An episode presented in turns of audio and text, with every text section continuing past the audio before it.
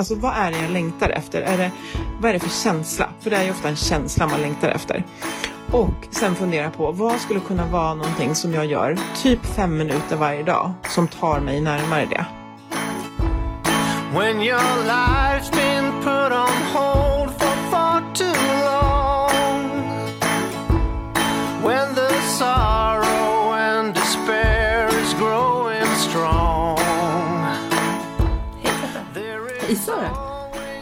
sitter här i, eh, just nu, mitt kök. Ja, och det är lördag. Jag tror aldrig vi har poddat på en lördag förut. Nej, det har vi kanske inte. Vi har testat fredag kväll. Mm. Då var vi lite trötta. Mm, det var mycket sludder då. ja, inte, det var inte liksom alkoholsludder, utan det var trött. Ja, trött efter veckans sludder. Ja. Men det här känns bra. Vi pratar på lördag och det här släpps ju på måndag. Så att det, det är som att ni nästan är med oss live. Mm, det är rykande färskt. Hur har din vecka varit, Sara? Jag har haft en eh, bra och intensiv vecka. Och det här med att den är intensiv, det är bara att skrota det ordet. Det har varit en vecka så som den ska vara, antar jag. Jag, eh, jag är egenföretagare och jag har eh, stängt fönstret för kommande år nästan. Jag har fyllt min, min kalender för kommande år, 2023. Mm. Ja. Det känns kul och framförallt väldigt tryggt och skönt med tanke på att det är en kommande lågkonjunktur. Mm, är det det? Jag vet inte, men vi, det blir det för att vi alla pratar om det som att det ska bli det. Ja, kan Och- vi bara sluta med det? Ja, exakt. Det Och vore det bara bästa. låtsas att allt är som vanligt istället. Ja, men då kan vi säga så här att jag har fyllt mina orderböcker, det är ju skitbra, så att nej, i min värld är det ingen lågkonjunktur. Nej? Om alla kan säga så och eh, bygga in lite så här trygghet och pondus i att eh, vi har en stabil livssituation, absolut trots allt som pågår i omvärlden, men vi behöver inte skapa oss en lågkonjunktur. Nej, Eh, precis. Inte i huvudet. Inte i huvudet. Jag har väl kanske en, en halv låg, en, en halv högkonjunktur. Nej. Ja. Jag, jag jobbar ju för fullt för att få samma läge som du. Eh, jag är inte riktigt där än. Men jag är imponerad över hur långt det har kommit på typ två veckor, så har du bara skaffat dig massa uppdrag. Mm, ja, ja, tack. Mm. Mm. Ja, men jag har jobbat på bra. Det har varit, eh, det har varit intensiva veckor också, med mingeltäta veckor. Mm. Men det har varit kul. Väldigt roligt. Men har du haft någon fritid då? Eh, ja, det har jag. Jag Ja. hade väl en fråga om riktigt bara fritid. Vad är det? Eh, jo, men jag tänker så här, ja, jag har inte haft något schemalagt jobb ännu. Ja, du tänker så. Ja. Mm. Så att, men eh, jag har unnat mig lite fritid mellan allt nätverkande. Eh, så jag har varit på, ja men hajkat lite uppför Tegerfjället och sen har jag varit borta lite vid Frö och gått till Byxan och ja men gjort lite så här små eh, utflykter i närområdet. Mm. Vill lära känna mina nya, eh, mina nya vandringsleder. Det, fick mig, det här med hur du reagerade på min fråga fick mig att inse nu. Att så här, om man har livet som en cirkel, Mm. Så här, om man inte har något jobb eller om man är arbetssökande eller mm, ja, oberoende av anledning, har man bara fritid då? Det känns inte som att man har det, då känns det som att man har livet. För det är ändå någon form av eh, eh, plikttjänst i, i livet. Men eh, kan man ha fritid ändå? Det kanske är så ett sätt att tänka på livets eh, innehåll på. Så Mm. att, ja, men, eh, vissa har ju så då jobbtid, vardagstid och fritid. Ja, precis. Men jag brukar nog tänka så att jag ger mig själv time off, eh, liksom. Som nu i en period där jag försöker träffa människor och eh, skicka iväg jobbförfrågningar och eh, liksom säljförfrågningar. Mm. Eh, men som idag till exempel, då har jag ju lördag Mm. och då gör jag inget av det utan Just det. nu, vi har fikat och Mm. jag har promenerat lite och lite så. Mm. Ja. Så då, då får jag, det blir ju som fritid, fast jag kanske inte lablar det så i mitt huvud, men mer att så här, nu, idag behöver jag inte Mm. hålla på. Nej, behöver inte hålla på Nej, i ekorrhjulet nej precis. för att skapa ett ekorrhjul.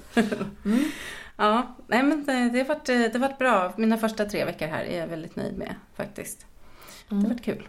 Mm. Och mycket socialt häng också, Ja. vilket är aslyxigt. Mm. Att vi har kunnat så här, ja men vi ses och jobbar lite spontant. Och, Mm. Eller igår sågs vi på en AV, också spontant. Eh, och bara att det går och att det Ja. finns någon att gå på en AV med och ett ställe att ha AV på. ja, exakt. det är ju jättelyxigt. Mm. Mm. Så att, eh, ja men än så länge lever jag life. Gött. eh, skulle jag säga. Mm. Ja. Vad kul. Nu ska vi bara ordna en, eh, en långtids, eh, ett långtidsboende. Ja, det också. Ja, precis. Jag behöver ju det också. Brukar man kalla saker för korttidsboende och långtidsboende när det gäller till exempel Ja, andra? Alltså när man behöver eh, assistans i livet. ja Jag jaha, det är så. Där vi ska ha ett seniorboende. Ja, eller ett kort- Exakt. Jag Ja, det kanske är lite så här behandlingshem och Jag sånt. tror det. Ja. Ja. Ja, det behö- inte, jag är inte där än. Nej, du behöver ett långtidshem. Eller hemmet. Ja. Du behöver bo någonstans. Det som som ett äldreboende. Mm. Ja, precis. Jag behöver ett, lite mer permanent Mm. eh, boende då. Ja, jag ska jobba på det. Mm. Eh, jag, eh, jag har tåtar ute där också. Mm. Ja, men det är inte det vi ska prata om idag. Nej. Jag vet inte, är vi lite liksom överintresserade av... Det finns ju så här militärt överintresserade personer. Ja. MÖP kallas de. MÖP. Mm. MEP. Ja, Okej, berätta. Vad är det? det är ett begrepp tror jag. Alltså, ehm, det är väl oftast män, tror jag, som är så lite, ö, lite för intresserade av vapen. Och, Jaha, det Ja. gällde vapen just. Jag trodde det var att det kunde gälla vad som helst. Nej, militärt Ah, jag fattar. Jaha. Allmänt överintresserade. Ja. Då tänker jag så här, vi är ju väldigt överintresserade kanske, eller, eller är vi normalintresserade av ständiga förbättringar?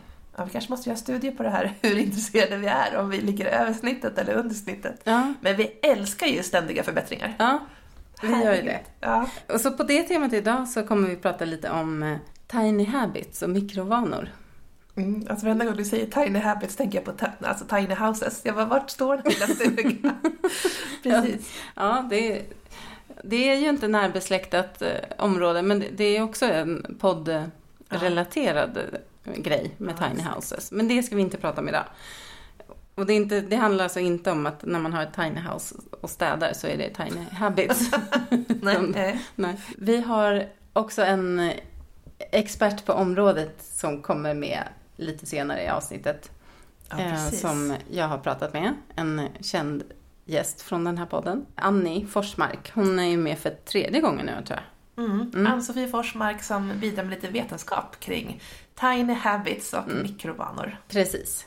För det är ju någonting eh, fascinerande med det här och jag har snubblat över det på ganska, alltså ganska nyligen. Jag vet att jag läste någon bok för kanske ett och ett halvt år sedan om just det här med mikrovanor och förankring. Att man liksom, ja, förankrar en ny vana i en befintlig vana för att lättare kunna sätta den. Liksom. Just det, det tror jag, tror jag du har faktiskt sagt i podden till och med. Det här låter jättebekant. När du Ja. säger det. Mm. Eh, Men så har jag liksom inte fördjupat mig så mycket mer i det än så. Men sen under det senaste året, också i samband med att jag har börjat med coaching, så har det liksom blivit mer aktuellt. Om man vill förändra någonting så handlar det ju oftast om att förändra ett beteende. Man måste göra någonting annorlunda för att någonting ska bli annorlunda. Och eh, det, det är väldigt intressant. Eh, apropå, nej, eftersom vi gillar att prata om förändring och ständig förbättring Mm. så tänkte vi prata lite om det idag. Mm. Eh, Men eh, vad, vad tänker du spontant när jag, när jag säger det? Ja, Förutom tiny houses. Ja, exakt. Jag tänker på mitt Instagramflöde. Jag följer en person som heter Sofie Lanto, eh, Lanto Life. Eh, kanske vissa känner henne som. Hon är kreatör. Hon jobbar som AD, hon layoutrar tidningar och gör här, kreativa grafiska saker. Hon postade eh, häromdagen att, eh, att hon hade börjat på en ny vana. Istället för att vakna på morgonen och scrolla sitt flöde på Instagram och sen gå upp och koka kaffe och jobba så gick hon upp och jobbade direkt och jobbade ut alla kreativa saker hon hade i huvudet. Och hon märkte på en gång att den här att liksom skippa den här korta Instagram-scrollen det första hon gjorde så blev hon mycket mer kreativ i sitt jobb. Mhm, vad intressant. Jättespännande. Ehm, det är en sån här liten grej som gör väldigt stor skillnad. Mm. Eh, och just det här eh, initiala Instagram-scrollandet tänker man ju inte på. Liksom. Det bara händer. För att man har gjort det så många gånger också så bara vakna, scrolla lite, sen gå upp. Mm. Ehm, Så att jag tyckte det var en häftig grej apropå det här ämnet. Ja, faktiskt. För det, ibland fastnar man ju. Mm. Och så helt plötsligt har det gått en halvtimme och du har inte ens kommit upp i sängen. Nej, exakt. Och just så här hur hon märkte skillnad på sin kreativitet. Att det var liksom eh, tid som en grej men också så här påverkan på hjärnan Ja. på en annan. Så att, eh, häftigt. Jag har ju en, jag vet inte vad man kallar det för mikrovana då, men det kommer vi bena ut sen med Ann-Sofie. Men det här med kallbad. Jag kallbadar allra helst på morgonen. Eh, och det gör jag för att effekten på resten av dagen blir så stor. Också en liten grej som ger stor effekt. Vad känner du för effekt? Vad, vad, vad märker du för skillnad när du inte gör det? Mm, alerthet i hjärnan också. Ja. Eh, dels att jag äger dagen. Eh, för det är ju motstånd att gå... Ja, eller är det motstånd att gå och bada? Vi, det kan vara det vid blotta tanken. ja. Eller så här, jag ska ta, jag ska ta dig igenom det här. Mm. Jag vaknar. Walk us through it. Mm. Jag vaknar och så känner jag så här, åh, jag vill ha den här känslan efter ett kallbad. Och så tänker jag inte mer på det utan då går jag radiostyrt upp ur sängen, tar på mig baddräkt och eh, en kaftan, alltså typ som en eh, särk. Om man kan kalla det för så. Ja, så går jag ner med min hund till älven. Och det, det blir också väldigt effektivt. Jag ska ju ändå gå ut med hunden. Kan jag lika gärna gå ut i, mitt, i min särk. Mm. Jag brukar inte Du bor ganska folktomt kan vi lägga till också. Ja, exakt. Eh, gå ner och sen så går jag i vattnet och det är när jag går i vattnet då kan jag känna motstånd. Så här, "Ah, varför gör jag det här för nu igen? Liksom. Eller så här, Mm. åh, idag var det kallt. Eh, men sen så styr jag bort de tankarna för jag vet ju det är, en, liksom, det är ett dåligt sätt att tänka på. Nu ska jag bara göra det här. Eh, och sen så kommer jag upp och eh, då är ju känslan så fantastisk. I att det pirrar i kroppen, eh, det kommer som ett eh, litet så här lyckorus. Mm. Och sen när jag går hem så känner jag mig så här, vet att jag äger dagen, jag känner mig pigg i hjärnan och det är en väldigt stor kontrast mot känslan när jag går ner för då är jag så här, lite mos, lite trött. Ja. Mm. ja, och du har liksom börjat dagen med att övervinna ett motstånd, om det nu fanns något. Liksom. Och det är också en härlig känsla. Att Mm. här, ja, jag har kontrollen. Ja, exakt. Jag tror jag hade känt att jag känner mer motstånd innan jag har kommit ut. Mm. Alltså, säg att man ligger under täcket och det är gosigt och så bara, gud, ska jag gå ner till det här kalla vattnet nu? Och, men när man väl är där nere, då, Mm. ja. Men det jag tyckte var intressant det du sa om att, att du bara, du går rakt upp och tar på dig särken Mm. och liksom, för där har du ju skapat en vana som, det gör det svårare för motståndet att få fäste. Ja, precis. Och framförallt har ju hjärnan kopplat aktiviteten till belöningen. Och det, Mm. jag tror att många kan känna igen sig i det när man har fastnat för löpning. Att in, innan man har byggt den här kopplingen så känns det så här, ah, ska jag gå ut och springa? Nej, usch, jag, jag måste, jag borde. Då har man de där orden.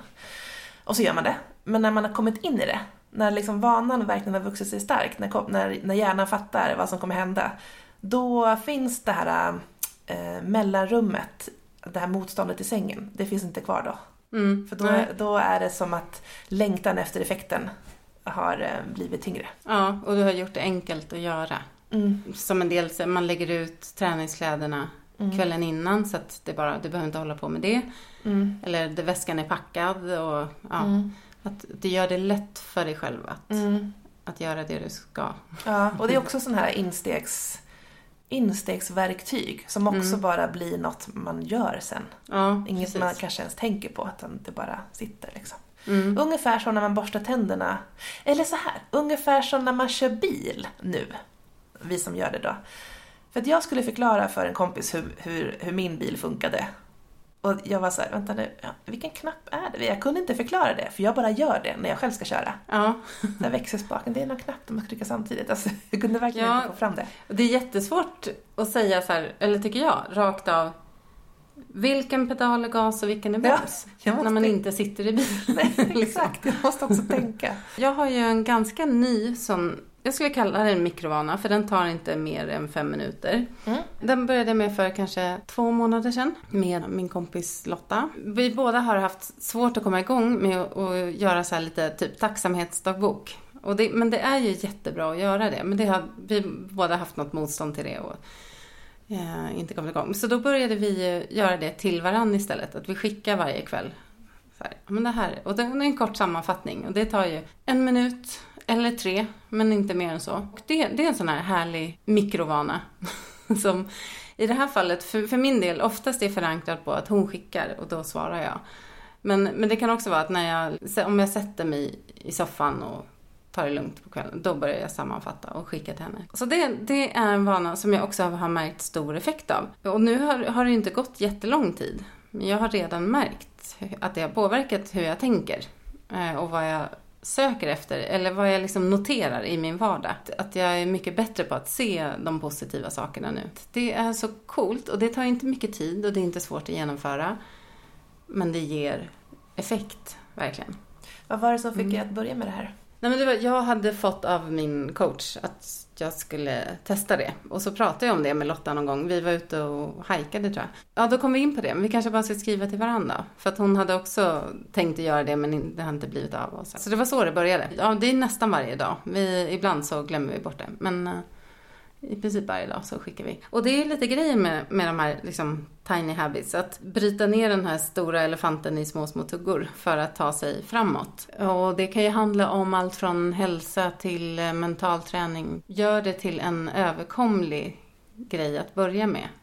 För det kan ju vara ganska svårt att bara lägga om allting. Mm. Just den här förankringen i en befintlig vana. Mm. Har du någon mer sån? Nej, men jag tycker att vi ska lyssna till vad Ann-Sofie har att säga om det här. Det hade varit väldigt intressant att få hennes eh, take på det. Då klipper vi över till eh, snacket med Annie om eh, mikrovanor och den lite mer vetenskapliga biten kring det.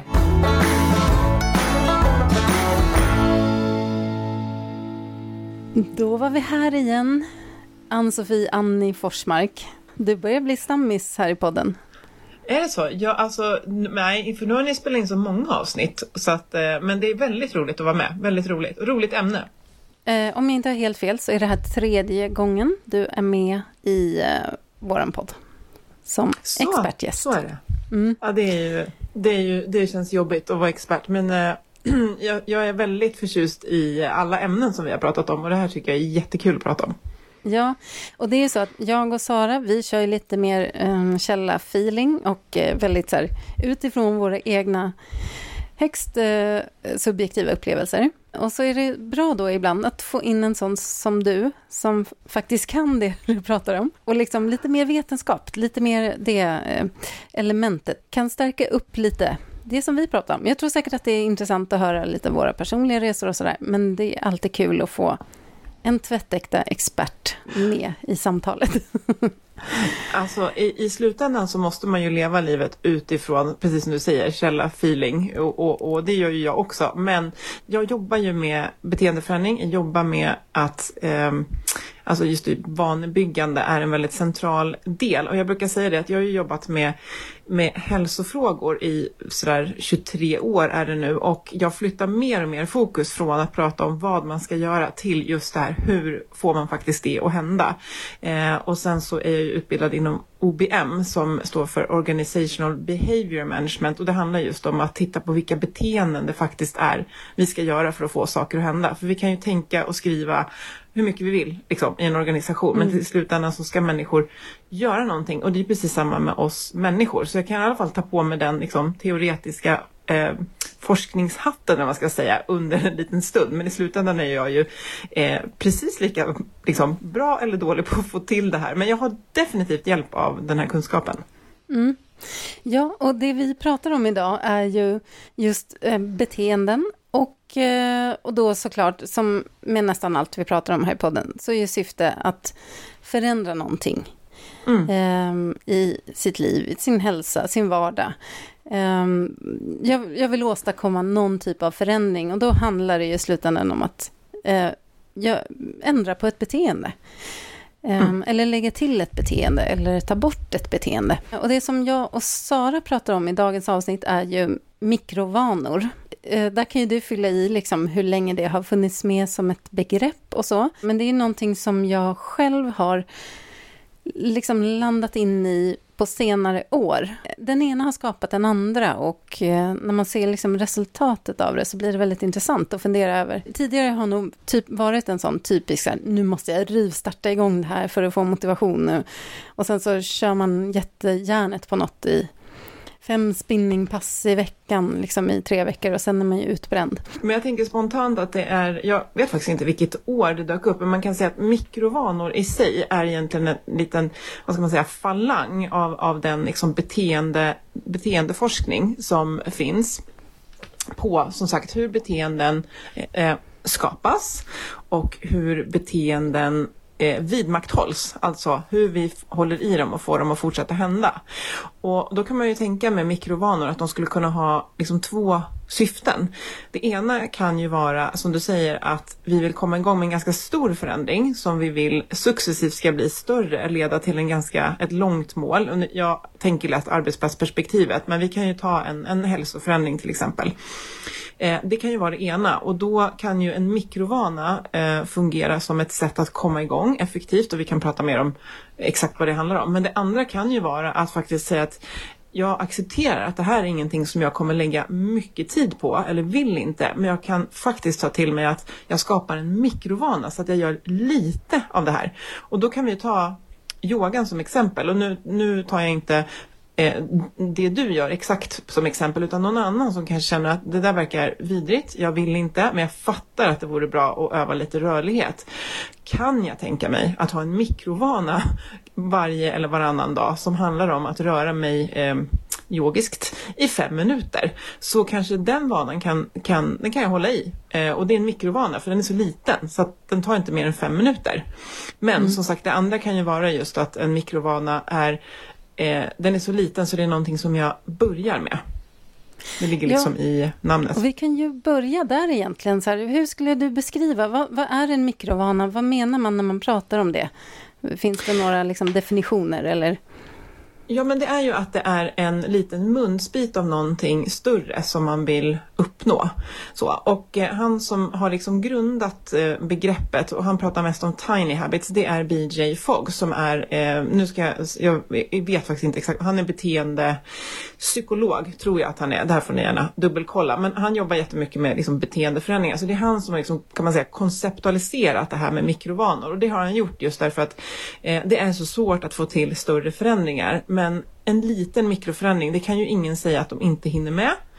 Eh, och ja, det är liksom lättare att ta till sig. Och sen så består den då av eh, eller består av, den, den skapas och lyck, man lyckas med den utifrån att man har satt lite olika faktorer kring den. Och den ena, den första som är super, super viktig, det är ju det här att det är någonting som jag verkligen, verkligen vill. Alltså vad är det det här ska leda till? Är det här viktigt för mig? Och då tänker jag att i vårt samhälle där vi är nu, och det har jag säkert pratat om tidigare, det är så otroligt viktigt att reflektera över att är det här faktiskt någonting som är viktigt för mig? För att scrollar jag mitt Instagramflöde så leds jag ju lätt att tro att jag ska liksom ta hand om min farsa, kallbada, allt möjligt. Det kanske inte är viktigt för mig, utan det första är ju motivation. Vad ska det här leda till?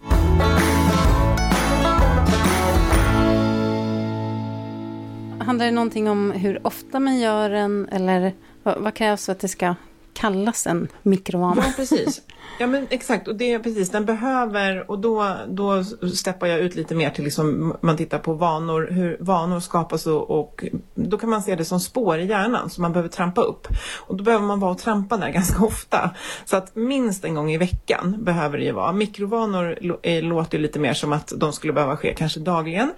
Men väldigt ofta, för annars du måste vara där och trampa i de här spåren, annars liksom snör de igen eller växer igen. Så att vad, göra dem ofta. Sen är ju andra delen som han pratar mycket om, det är att man ska förankra den här i någonting som man redan gör. För annars är det så, det är så himla svårt att skapa en helt ny fristående vana som inte hänger ihop med någonting. Utan hans liksom, sätt att eh, beskriva hur man gör det är att man säger när jag då ska jag. Så mm. att för dig kanske det är att när jag går upp på morgonen och sätter på kaffet, då ska jag göra Är det eh, det som kallas anchoring? Anchoring, precis. Och mm. så gör jag. Jag skulle aldrig, jag har ju varit yogi förut, men det finns inte på kartan för mig nu. Men däremot sätter jag alltid på kaffe på morgonen.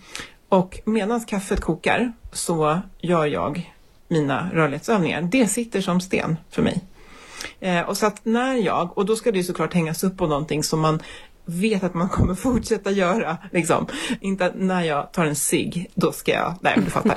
Eh, utan när jag borstar tänderna eller när jag öppnar datorn, när jag har lagt på ett jobbigt möte eller när jag så att man hänger upp det, precis, man förankrar det i någonting för då börjar hjärnan koppla ihop att men när det här sker, då sker ju även det här. Och det här vet vi ju själva att vi, vi har ju redan så mycket sånt här som hänger ihop med saker som vi gör. Att ja, men när, när, när det är så här, då brukar jag göra så här. Så man kan använda den effekten. Eh, mm. Och sen så är han, det tredje han är på, det är väldigt, väldigt viktigt att vi får en typ av belöning varje gång vi gör det. Därför att hjärnan är väldigt trigger happy och dåliga vanor, de har ju tendensen att vara belönande direkt, men vara dåliga för oss på sikt. Så man tänker, jag tar alltid upp det här med att jag älskar wienerbröd. Och det är jättegott i stunden, men det gör liksom nada för eh, mina tänder eller liksom min, min kosthållning. Men det är så otroligt belönande i stunden och om jag då byter ut det mot att liksom ta en morot, det kommer inte vara lika belönande i stunden. Så jag måste lägga till någonting som gör att min hjärna får den här kicken, liksom att gud vad bra. Och han är ju amerikan så att han har ju då att han säger awesome varje gång och det sa jag så här, men det är inte så svenskt, vi måste nog hitta på någon annan, men det var lagom duktigt av dig. Lagom trevligt. Eh, men att det, mm det var lagom trevligt, men väldigt viktigt och för någon kan det ju räcka med att man sätter kanske ett kryss i en kalender liksom bara ser att men jäklar nu har jag hållit i det här varenda dag eller att jag får messa dig och säga så här, jag gjorde det. Liksom.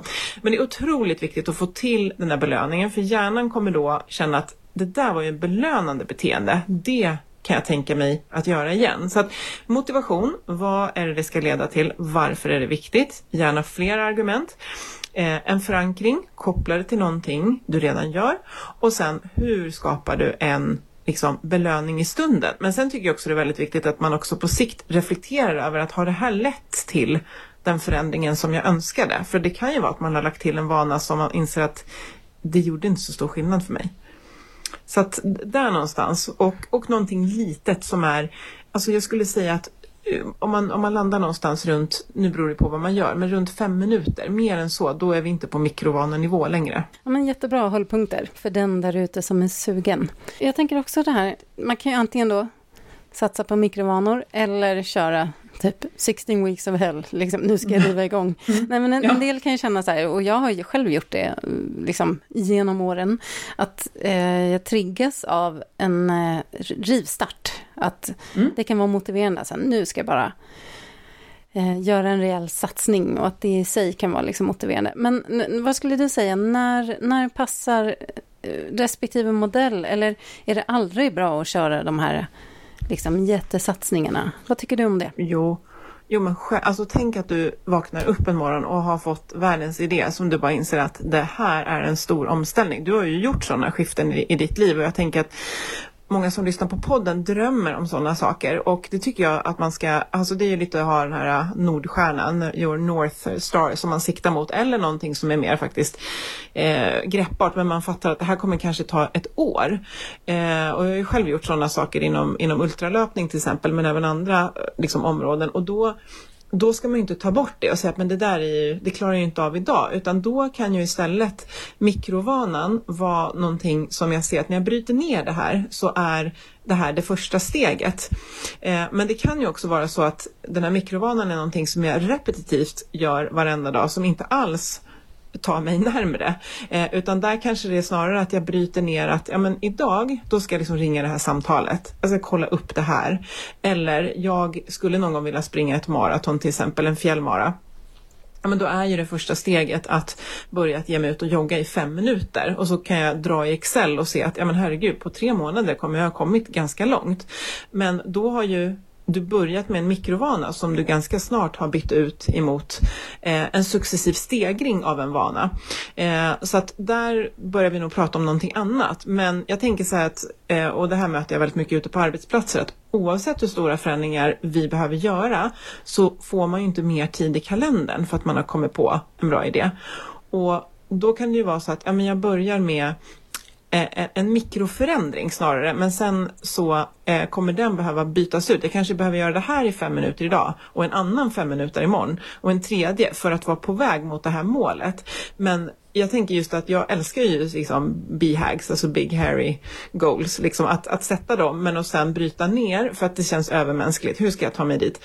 Vad är den här lilla, vad är det första jag behöver göra idag?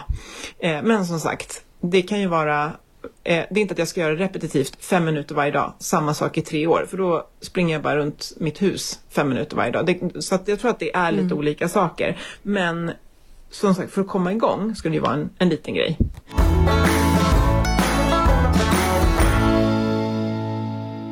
Kan man tänka så här att mikrovanor, det är metoden du ska ta till om du liksom vill göra en långsiktig förändring i ditt liv. Medan de här större satsningarna är ett enskilt mål som du vill åstadkomma. Till exempel ett maraton. Det kanske är ja. för att, att liksom dela upp det för hårt, det kanske är flytande. Men... Nej men jag tänker så här att säg att du sätter ett BHAG, ett riktigt big hairy scary goal liksom som är wow. Mm. Då kan jag också tänka att ja, men för att uppnå det här målet så behöver jag också ha massa mikrovanor som bär mig. Jag behöver ha en mikrovana som hjälper mig sova bättre.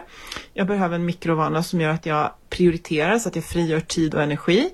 Jag behöver ha en mikrovana som gör att jag kanske just eh, tränar lite rörlighet varje dag. Eh, en mikrovana som handlar om att reflektera över eh, saker jag har lärt mig idag, förändringar som jag faktiskt har uppnått. Så att där kan ju mikrovanorna vara liksom som det här supportteamet runt mm. den här förändringen som jag successivt bygger. Exakt, materialarna, de som kommer in och byter de slitna däcken i depån. Eh, så att jag skulle verkligen säga att, och jag tänker hälsa ligger ju mig och oss varmt om hjärtat, så att jag tänker mikrovanor inom eh, när man har ont om tid till exempel och känner att ja, men vanligtvis så kanske jag lägger ner tid på det sociala, mitt mentala välmående och fysiska. Då kan ju en mikrovana liksom bära mig igenom den perioden. Så att jag, jag känner att jag håller i vanan av att vara ute och röra på mig till exempel, men det kanske bara blev fem minuter. Jag håller i vanan att ha eh, vårda goda relationer. Men idag kanske det bara blev ett, ett varmt hjärtfullt sms till någon liksom, för att jag hinner inte, liksom, eller ett fem minuters samtal. Mm. Och liksom det mentala, att jag, jag, sitter och andas i fem minuter. Jag har inte abdikerat från att reflektera och tänka och sådär. Men, men idag hade jag bara fem minuter. Så att, eh, man kan verkligen använda de här till att både fylla en funktion som du säger, liksom, hela livet.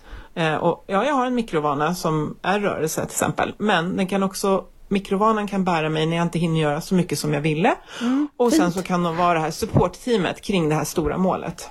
Det är jättefint tycker jag. Exakt. Precis. För mm. att eh, som du säger, de flesta, alltså det finns ju forskning på det som kallas för nystartseffekten och den ska man inte skratta åt. Man ska passa på vid nyår, alltså naturen är cyklisk. Vi ska passa på efter sommaren eller på måndag morgon. Vi, ska, vi, ska, vi får kraft av den. Problemet är att vi får inte mer tid, vi får inte mer energi sen när dagen har dragit igång och att då ska man inte förminska för som sagt fem minuters samtal med en god vän, fem minuters andning, fem minuters promenad är ju liksom mycket mer än att inte göra någonting.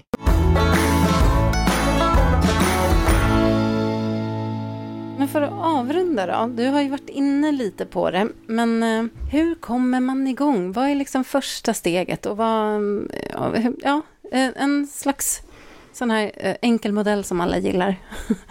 för ja, att de, precis. få hjälp igång bra. om man nu ja. sitter och funderar över det här. Men hur... Livet är ju en fempunktslista som man det bara ska där, just do this. Ja.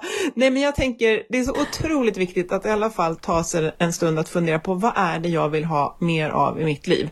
Och det kan vara, jag vill ha mer av en människa, exempel jag vill ha mer katta, det brukar jag ofta känna. Eh, det kan vara att jag vill ha mer, jag vill ha mer sömn. Alltså, eller så här, jag, det brukar man inte vilja ha. Man brukar vilja vara piggare. Man brukar vilja ha mer energi.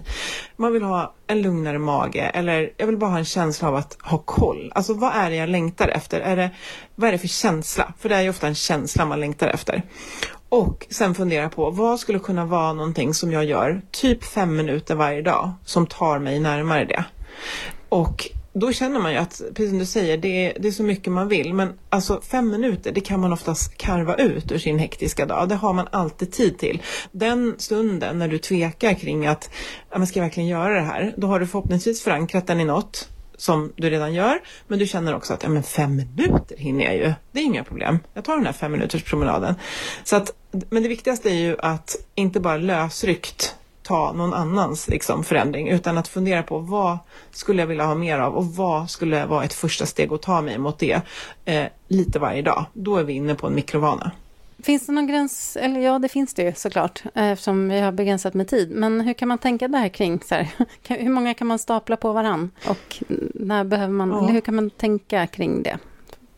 Alltså det blir det här fast, fantastiska svaret, det beror på. Men om jag tänker att om jag måste tänka kring dem, om jag måste tänka att just det, nu, nu har jag gjort det här, då ska jag göra det här. Då kan ju hela livet hela dagen kan bli som en så här uppstyckad fem minuters sessioner. Och du bara, ska vi gå hit? Jag bara, nej alltså tyvärr, nu får inte jag bryta min streak här. Jag måste, jag har satt på kaffe, det betyder ner på golvet, katt och ko.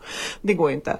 Utan man kanske, jag vet inte vad som är rimligt för jag tror att vi är alla väldigt olika. Men det får ju inte bli att dagen är för uppstyckad utan jag tänker väl någonstans att kanske så här 3 till 5 och det här är inte taget från forskning. Det är bara, jag tänker att någonting som sker på morgonen, någonting som sker mitt på dagen och någonting som sker på kvällen. Och att de mm. kanske berör de här områdena om vi pratar att må bra någonting som har med reflektion att göra, någonting som har med andra människor att göra och någonting som har med att ta hand om min kropp att göra. Alltså det är väl mm. tre områden som, säg att du då totalt lägger en kvart om dagen på det. Det är ganska, det är ganska bra. Ja men jättebra, då, tror jag, då har vi liksom fått lite bra fakta till, eh, till vår diskussion, min och Saras diskussion om mikrovanor. Och från att ha varit en som eh, inte har älskat rutiner, om man säger så, eh, så har jag verkligen upptäckt tjusningen med små rutiner, mikrovanor, vad man nu vill kalla det. Ehm, och eh, verkligen känt effekten av det. Och det är ju så att allting som vi, med tanke på vår begränsade liksom, hjärnförmåga i den här nya delen av hjärnan, allt som vi vill ska ske ofta, det är det väldigt bra att bygga så att det nästan sker automatiskt. För då frigör vi ju tankekraft till det som vi vill liksom lägga mer krut på. Jag vill helst inte behöva använda disciplin till att varken motionera, äta bra eller gå och lägga mig. Jag vill ha vanor kring det. För att jag vill ha fria händer till att liksom, gå ut och hitta på roliga grejer i livet och det tror jag att man reflekterar, ja ah, vad skönt det vore. Sen blir det aldrig helt automatiskt men som du säger, du, du har ju upplevt vad, känslan av att ha byggt de här vanorna och, och hur det hjälper dig. Det är, eh, ja, det är ett himla bra verktyg. Och eh, för den som vill liksom nörda ner sig mer i det här ämnet, skulle du, vad pekar du på då? Om man vill läsa vidare lite. Eh, alltså Tiny Habits är en fantastisk eh, bok. Sen har vi eh, Atomic Habits, du hör det här är trendigt. Men alltså BJ Foggs TED-talk kan man googla på för det är ganska underhållande och då får man liksom vad ska man säga, man får teorin på ett väldigt lättillgängligt och väldigt roligt sätt och sen får man liksom sätta sig efteråt och reflektera hur, hur applicerar jag det här i min vardag? Men det, det, det är väldigt, det går snabbare än att läsa böckerna om man inte vill läsa dem. Men Tiny Habits eller Atomic Habits som är lite mer, ska man säga, populistisk kanske kommersialiserad version. Så. Och om man vill eh, följa mer eh, av dig helt enkelt, man vill ha mer av Annie i sitt liv, eh, vilka mikrovanor kan man lägga till då? ja, men då kan man lägga till, eh, på LinkedIn brukar jag bete mig lite mer professionellt än vad jag gör på mitt Instagramkonto för där blir det en salig röra. Men jag är nog, eh, jag är nog värderingsenlig i båda kanalerna. Men eh, mm. eh, Unsophisticated heter jag på eh, Instagram och eh, ja, Ann-Sofie Forsmark på LinkedIn. Som sagt, där blir det lite mer ordning och reda. Ja, jag ska säga det. Följ Annie, för hon lägger upp mycket kloka och kunskapsbaserade inlägg. Okej, okay, jag får bli bättre på det då. Det får bli en mikrovana. Jag får lycka till. Nej, det är du jättebra på. Eh, och tack för att du ville vara med i en tredje gång i den här podden. Och jag hoppas att det blir fler. Det vore jätteroligt. Jag kan locka tillbaka dig. ja, det vore jättekul. Superkul. Vilken mikrovana står näst på tur här nu för dig? Eh, nej men den hänger nog väldigt mycket ihop med eh, sänggåendet. Då har jag att när jag har borstat tänderna så eh, avslutar jag med lite rörlighet på golvet och sen sätter jag mobilen på flight mode, lämnar den utanför sovrummet och då går jag in i sovrummet och plockar upp min bok. Extremt fyrkantigt, funkar alldeles magiskt. Är så glad att jag har byggt den vanan. Föredömligt. Tack för tack. idag. Hej. Tack, tack. Hej.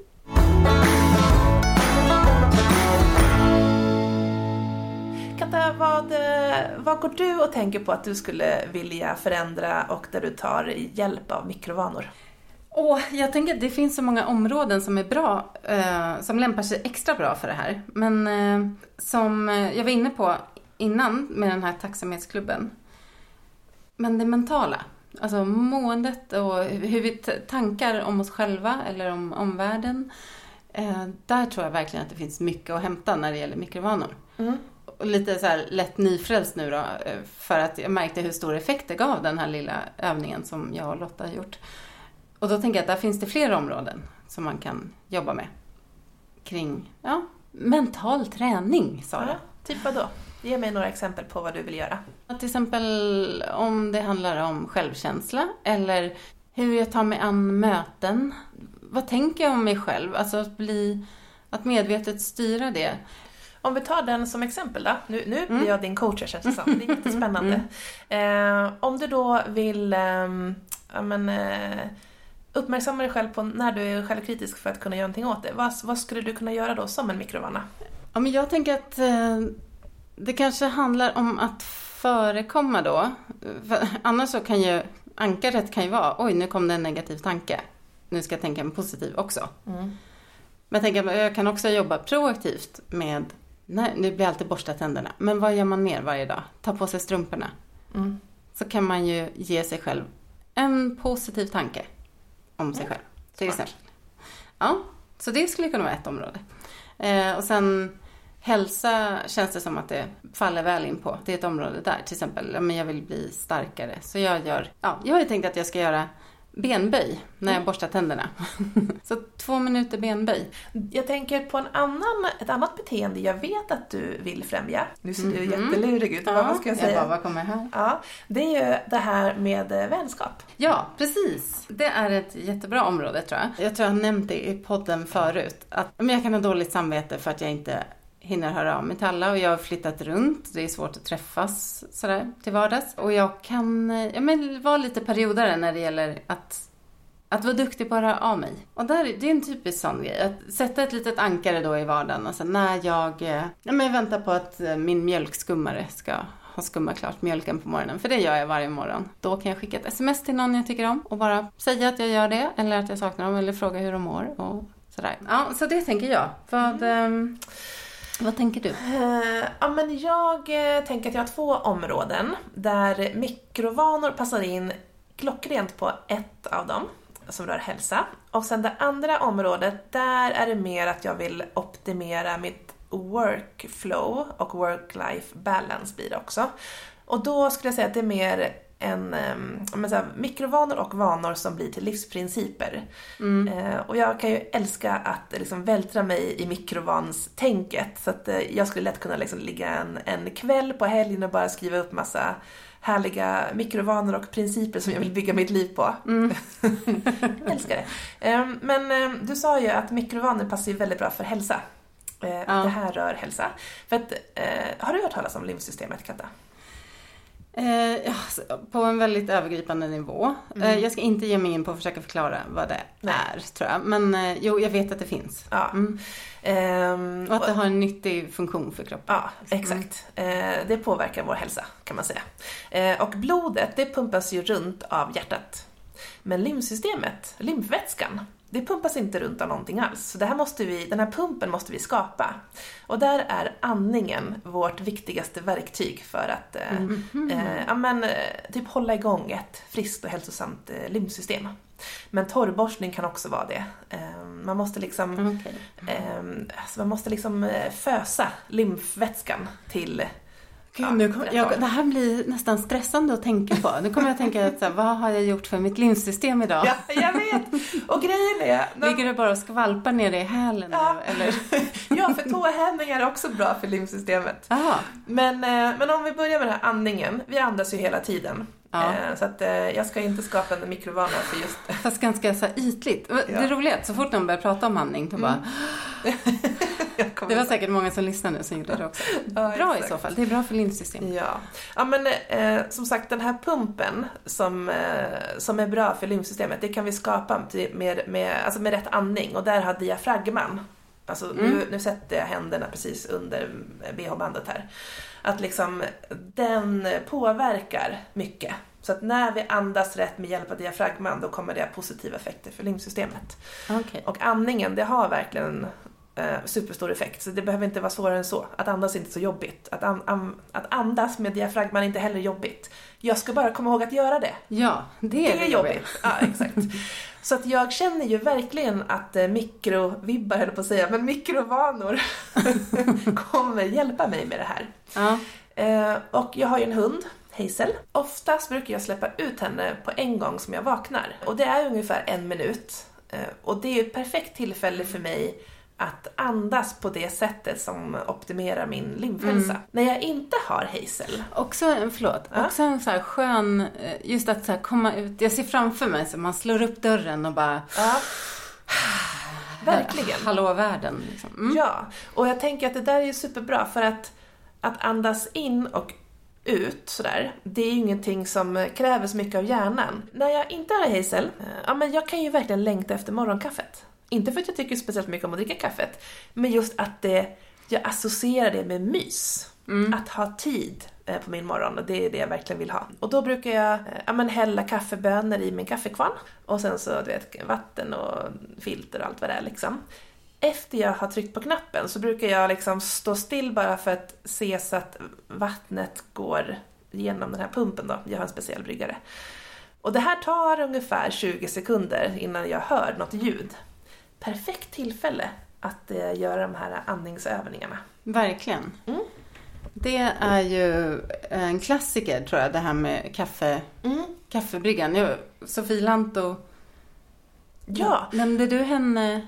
ja men jag nämnde henne precis Ja, i början. ja. Men hon gör ju också kaffebryggsyoga va? Eller Ja, stretchövningar. så här, kafferörlighet eller vad hon kallar det. Ja. ja, exakt. Medan hon väntar på kaffet så, så gör hon lite rörlighets... Ja, typiskt bra mikrovana. Jättebra, Mm. för vad kan den processen ta? Tre minuter kanske? Något sånt. Ja, men eh, jag tror det kan vara ett bra tillfälle.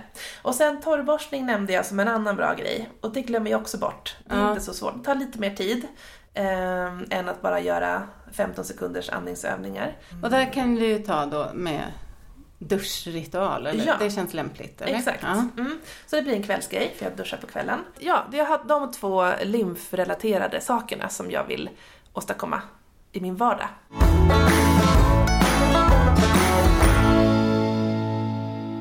Sen, den andra grejen, det är jobbet. Ja, Mm. och där pratar vi om så här, mikrovanor eller vanor. Det handlar ju om att beteendet, det, det vi gör varje dag, det bygger ju liksom vad vi landar på lång sikt. Exakt. Du, för du sa att det kanske inte handlar om mikrovanor, men jag tänker att det är ändå intressant att prata om Ja. vanor. För det handlar ju till slut om självledarskap. Allt det här är ju själv, självledarskap. Och eh, ja, men i mitt jobb som eh, egenföretagare så har jag några olika kunder. Eh, och det blir ju lätt hänt att även om eh, kunduppdragen är så här eh, 25% plus 25% ja, plus 50, att det är ju 100%. Men man ska ju få till det här i vardagen också. Och det här är ett tips till dig oavsett om du är anställd eller om du är egenföretagare. Men att få ihop det med dina möten. För att ofta så har ju vi möten som är 60 minuter långa och då kanske vi bokar ett möte som är mellan 10 till 11 och sen ett nytt möte 11 till 12. Det vill säga noll tid för att ställa om, noll tid för att ladda om eh, och noll tid för att ja, men, eh, förbereda dig själv för att faktiskt kunna ge värde till kommande möte och att leverera på kommande möte. Så att ehm, jag vill verkligen sätta en struktur där jag med, alltså rent automatiskt så ska mina möten vara 25 minuter istället för 30, 50 minuter istället för 60 och 70 minuter istället för 90. Det är Mm. mina liksom vanligaste möteslängder. Det, vem har bestämt att det alltid ska vara, det här tar 60 minuter, så sitter man tiden ut fast man kanske Exakt. hade kunnat vara klar på 40. Det är Ja. så onödigt. Ja, för ofta så disponerar man ju tiden utifrån den tid man har. Och jag tror att jätte, alltså alla möten går att göra 10 minuter kortare, för man ska bara Minst. Ja, alltså det går säkert att göra off, alltså, ännu kortare. Ja. Ehm, så att ehm, jag ser fram emot att, att ha det här som, som ett regel. Ja. Som ett regel, sa jag Ett det? regel. Ja, en regel kan vi säga. Eh, och sen kommer det vara lite undantag när någon extern person bokar möte så får man väl köpa det då. Men eh, när man har det som en 80% regel så kommer det göra stor skillnad. Det tror jag också. Ja. Verkligen. Och ja, men att överlag vara varsam med sin tid. Jag har pratat om också att du skulle blocka Ja, men precis. Ehm, ja, ehm, ja, exakt. För man har ju, eller jag har ju, alla har ju, de flesta, inte alla, okej, vi har Ja. åtta timmars arbetsdag. Och jag ehm, vill ju spendera, jag vill ju tillbringa de här åtta timmarna på bästa sätt. Möten är ju så inskrivna i kalendern. Men jag ska ju göra saker mellan mötena. Jag ska ju, du vet, åstadkomma strategier och planer. Så jag, har kommit på att det absolut bästa för mig är att blocka tid efter det här så att jag vet liksom vilk, alltså, med vilket syfte jag ska spendera kommande två timmar. Så då kan det till exempel vara på en måndag då i mitt liv. 9 till 10, nej 9 till 9.50 har jag Ja, veckans exakt. första möte med en kund. Min nästa grej, då har jag blockat i min kalender 10 till 11.30 säger vi. för sen är det lunch och då, ja det behöver mm. ingen ställtid till. Då ska jag eh, producera de här grejerna, för det kommer ju inte bara hända av sig självt mellan andra saker. Då är det så här, i min hjärna så har jag ju lagt in det här som fokuserad arbetstid för bara den här, det här syftet. Mm. Eh, och sen så kanske 11.30 då, där har vi möte i möte, det vill säga ingen ställtid emellan. Då är det lunch, eh, eller lunchspring exempelvis, eller lunchträning eller vad jag håller på med. Den ligger inplanerad också. Det gör ju att jag kan leverera fullt ut på den här eh, arbetsdagen utan att jag behöver sitta på kvällen och göra massa grejer som jag inte hann med för att jag inte hade fokus nog ja. under dagen. Och då ska man vara noga med att så här, nej, jag har inte tid för möte klockan 11 för att det är bokat. Och att, man, alltså att det får vara viktigt. Ja, att hålla på sina principer. Mm. Exakt. Mm. Mm. Och sen också identifiera när på dagen du och jag är som bäst på att göra vissa saker. Eh, till exempel, när på dagen är jag bäst på kundmöten? Ja, men det är på förmiddagarna. Någonstans mellan 9 och 12, då ska jag ha så många av mina externa möten som möjligt för då är jag som skarpast i huvudet. Så att jag sen på eftermiddagen kan ägna den åt att producera, tänka smarta tankar och göra ut saker. Mm. Och inte ha något kundmöte klockan tre.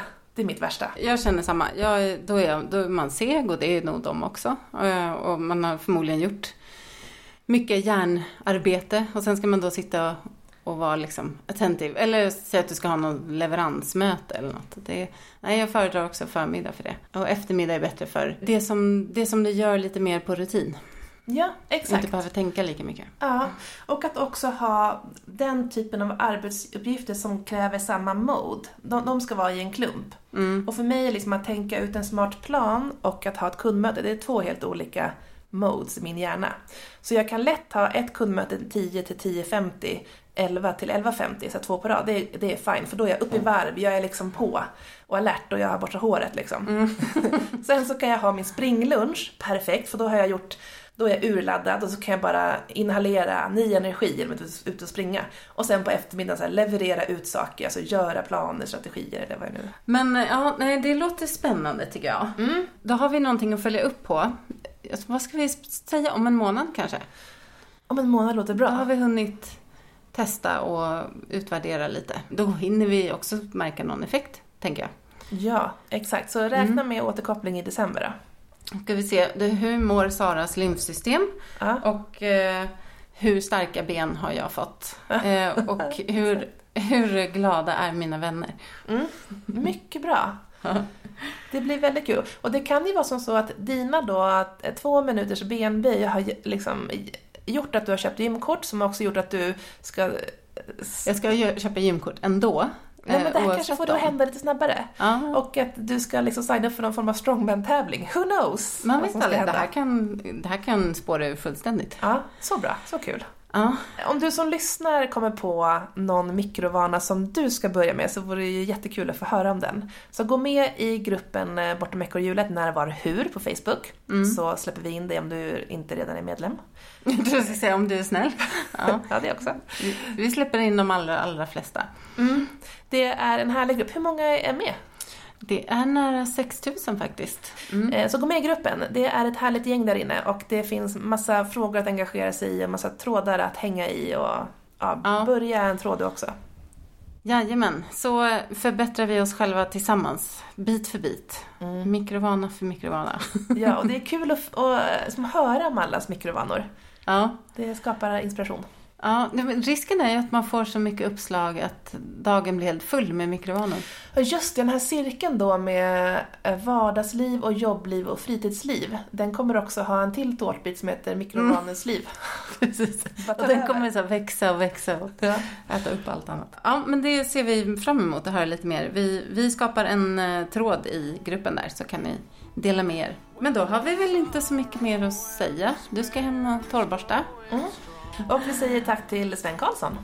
Och Epidemic Sound för vår underbara poddlåt. Tack för idag Sara och tack för, till dig som har lyssnat. Och tack till Annie som ställde upp eh, med, eh, med grundad fakta. Hej då alla poddlyssnare! Hej då, vi hörs om två veckor. Ha det gott!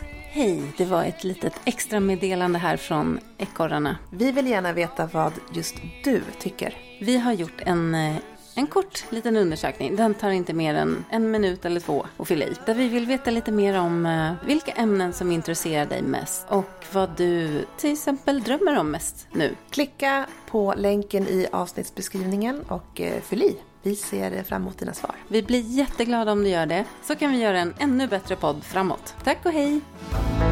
When the road is long and